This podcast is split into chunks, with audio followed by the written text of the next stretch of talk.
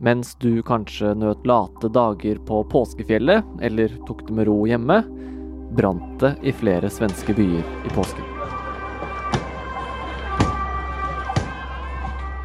Utbrente biler skadde politifolk og avfyrte skudd. Vi har møtts av et besinningsløst vold som vi ikke har opplevd på andre steder.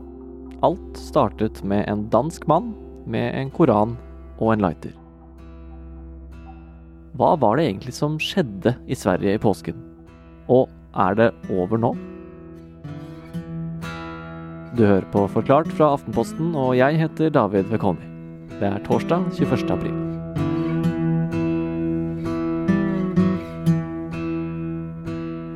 Det var jo spesielt et bilde som gjorde inntrykk på meg da jeg satt på vakt i Aftenposten. Og det var eh, politihjelmen, der visiret var knust av knivskarpe brostein som var kastet mot politiet. Som var skåret opp fra, fra bakken. Og jeg så hele eh, visiret var dekket av blod.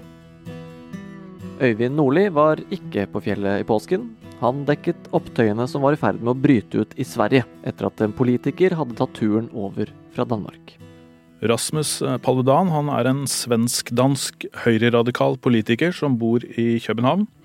Han er stifteren og lederen av partiet Stram kurs, som bl.a. vil eh, forby islam i Danmark og utvise menneskegrupper med ikke-vestlig bakgrunn. Eh, målet hans er å få partiet inn i det danske folketinget ved valget neste år. Og han fikk for to år siden innvilget eh, svensk statsborgerskap, siden hans eh, far er fra Sverige. Og hva var det Paludan dro til Sverige for å gjøre i påsken? Paludan han ville holde demonstrasjoner i påsken i det han kaller en valgkampturné. Eh, planen var å brenne Koranen i flest mulige svenske byer, og selvsagt skaffe seg og partiet oppmerksomhet. Eh, han sier at partiet også vil stille til valg i Sverige den 11. september i år. Er det lov å, å brenne Koranen i Sverige? Ja. Ytringsfriheten er grunnlovsbeskyttet, men politiet har likevel en mulighet til å stoppe markeringer hvis orden og sikkerhet ikke er mulig å opprette.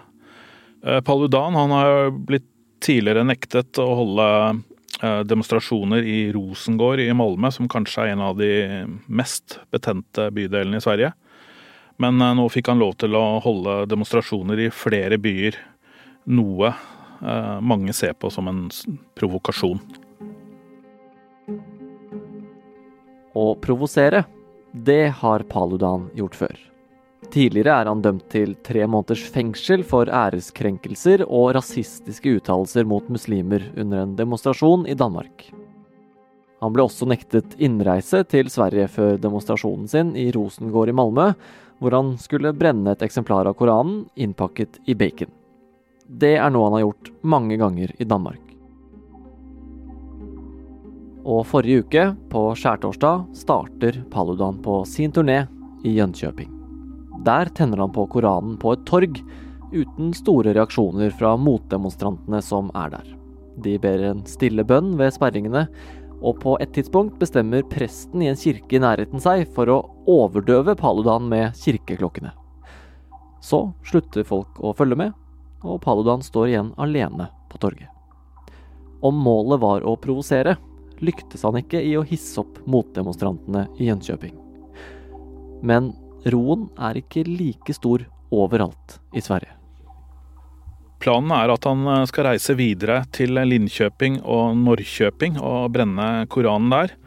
Eh, men før han kommer dit, så har allerede demonstrantene angrepet politiet.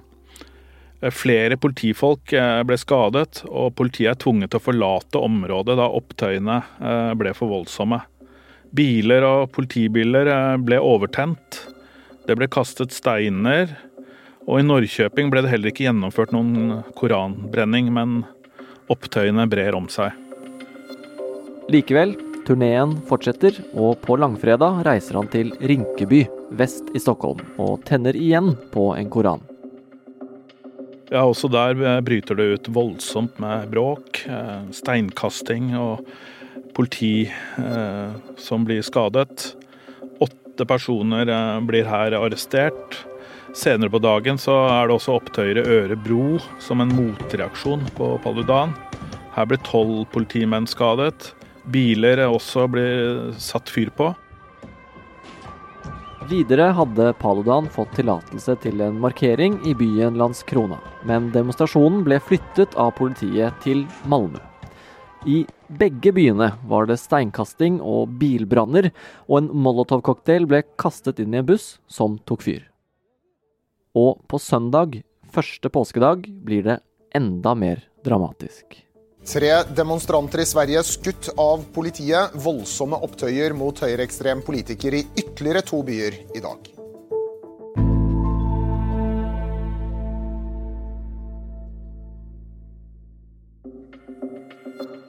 Søndag første påskedag så hadde igjen eh, Paludan planlagt å demonstrere i Linköping og Norrköping.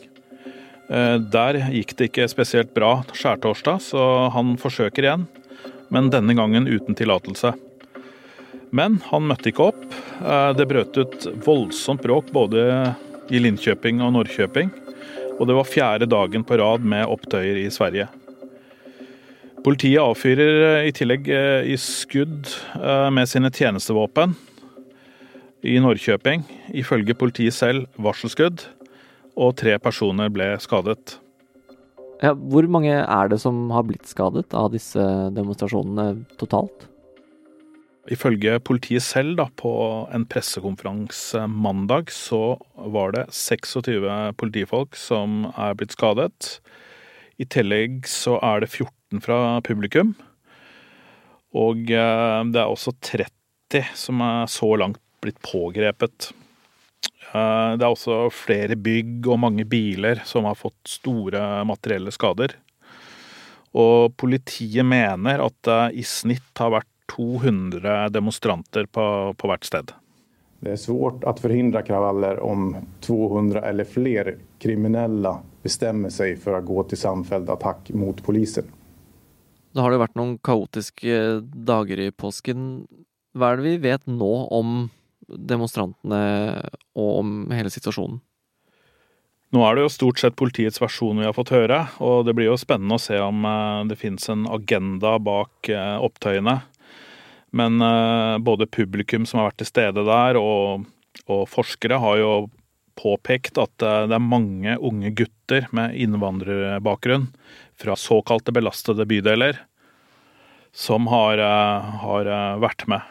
Det har jo vært ifølge politiet gutter helt ned i tolvårsalderen som har eh, stått og kastet stein mot politiet. Og mange mener da at opptøyene er et ansikt på at Sverige kan ha et uh, parallellsamfunn. Så på den ene siden har du sinte motdemonstranter som angriper politiet, og på den andre siden Rasmus Paludan. Og det har satt i gang en ganske opphetet debatt, også her i Norge. Og Halvor Hegtun, kommentator her i Aftenposten. Var det greit av Paludan å brenne Koranen på turné i Sverige?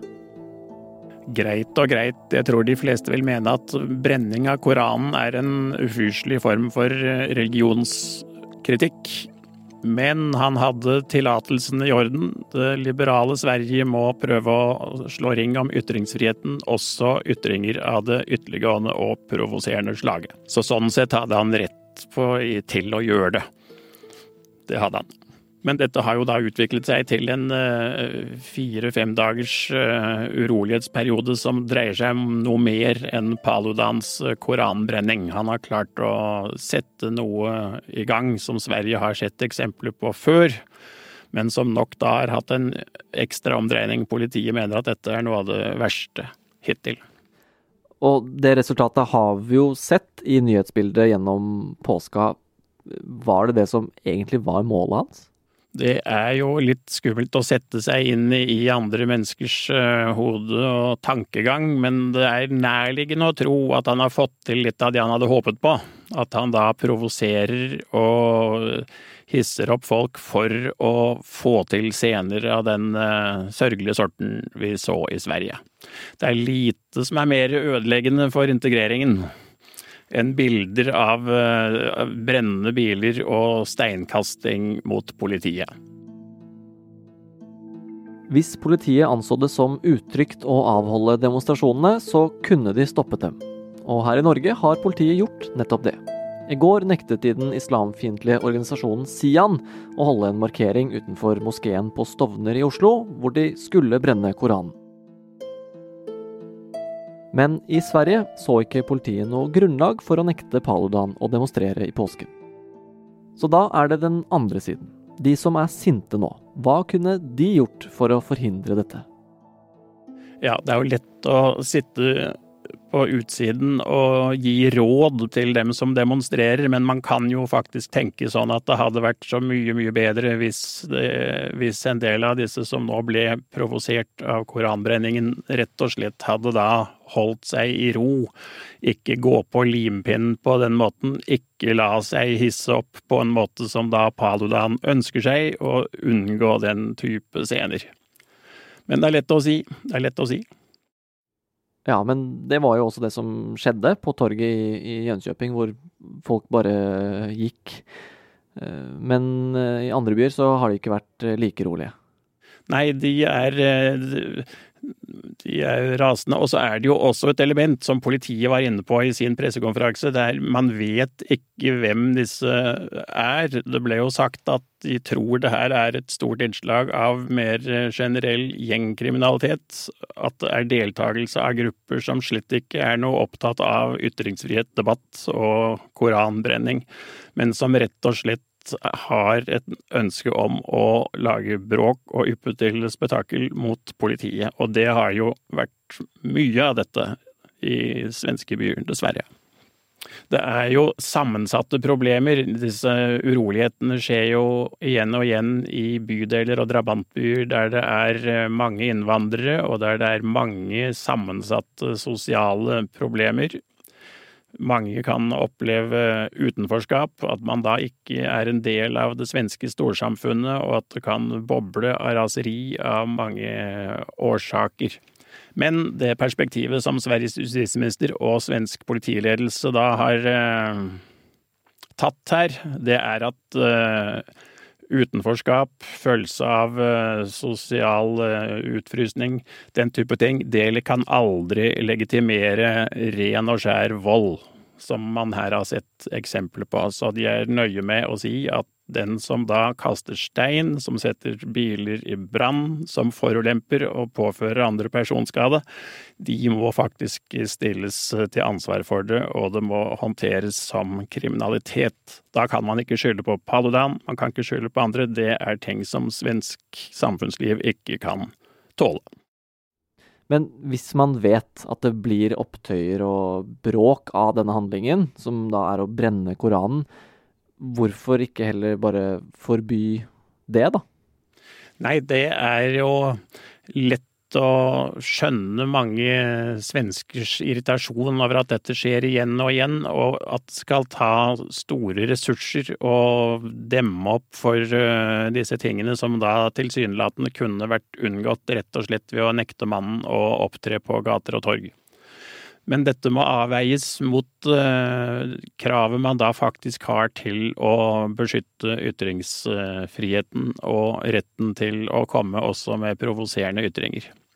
Så dette er en vrien avveining. Hvis de hadde visst med sikkerhet at dette kommer ikke til å la seg gjennomføre uten at det da kommer til personskader og branner, så ville de ha stoppet det. Men jeg tror det er en selvransakelse også i politiet rent teknisk hvordan de gir disse tillatelsene, hvor han får lov til å ha sine appeller, og hvordan de mer praktisk faktisk kan drive forebyggende arbeid og avverge sammenstøt som blir så ille som det vi nå så i påsken. Øyvind, hva skjer med han som satte i gang eh, hele denne brenningen, eh, Rasmus Paludan, nå? Foreløpig så vet vi jo ingenting om eh, hvilke konsekvenser eh, dette får for ham. Eh, han er tilbake i Danmark etter Sverige-turneen og sier at han planlegger nye demonstrasjoner i Sverige i nær fremtid, kanskje allerede nå til helgen. Men så er spørsmålet nå om, om han får lov. Altså, kommunedirektørene i Norrköping og Linköping har jo bedt politiet om å ikke gi ham tillatelse til sine demonstrasjoner, så det spørs om eh, svenske myndigheter vil gi ham, gi ham muligheten en gang til etter alt det som har skjedd i påsken.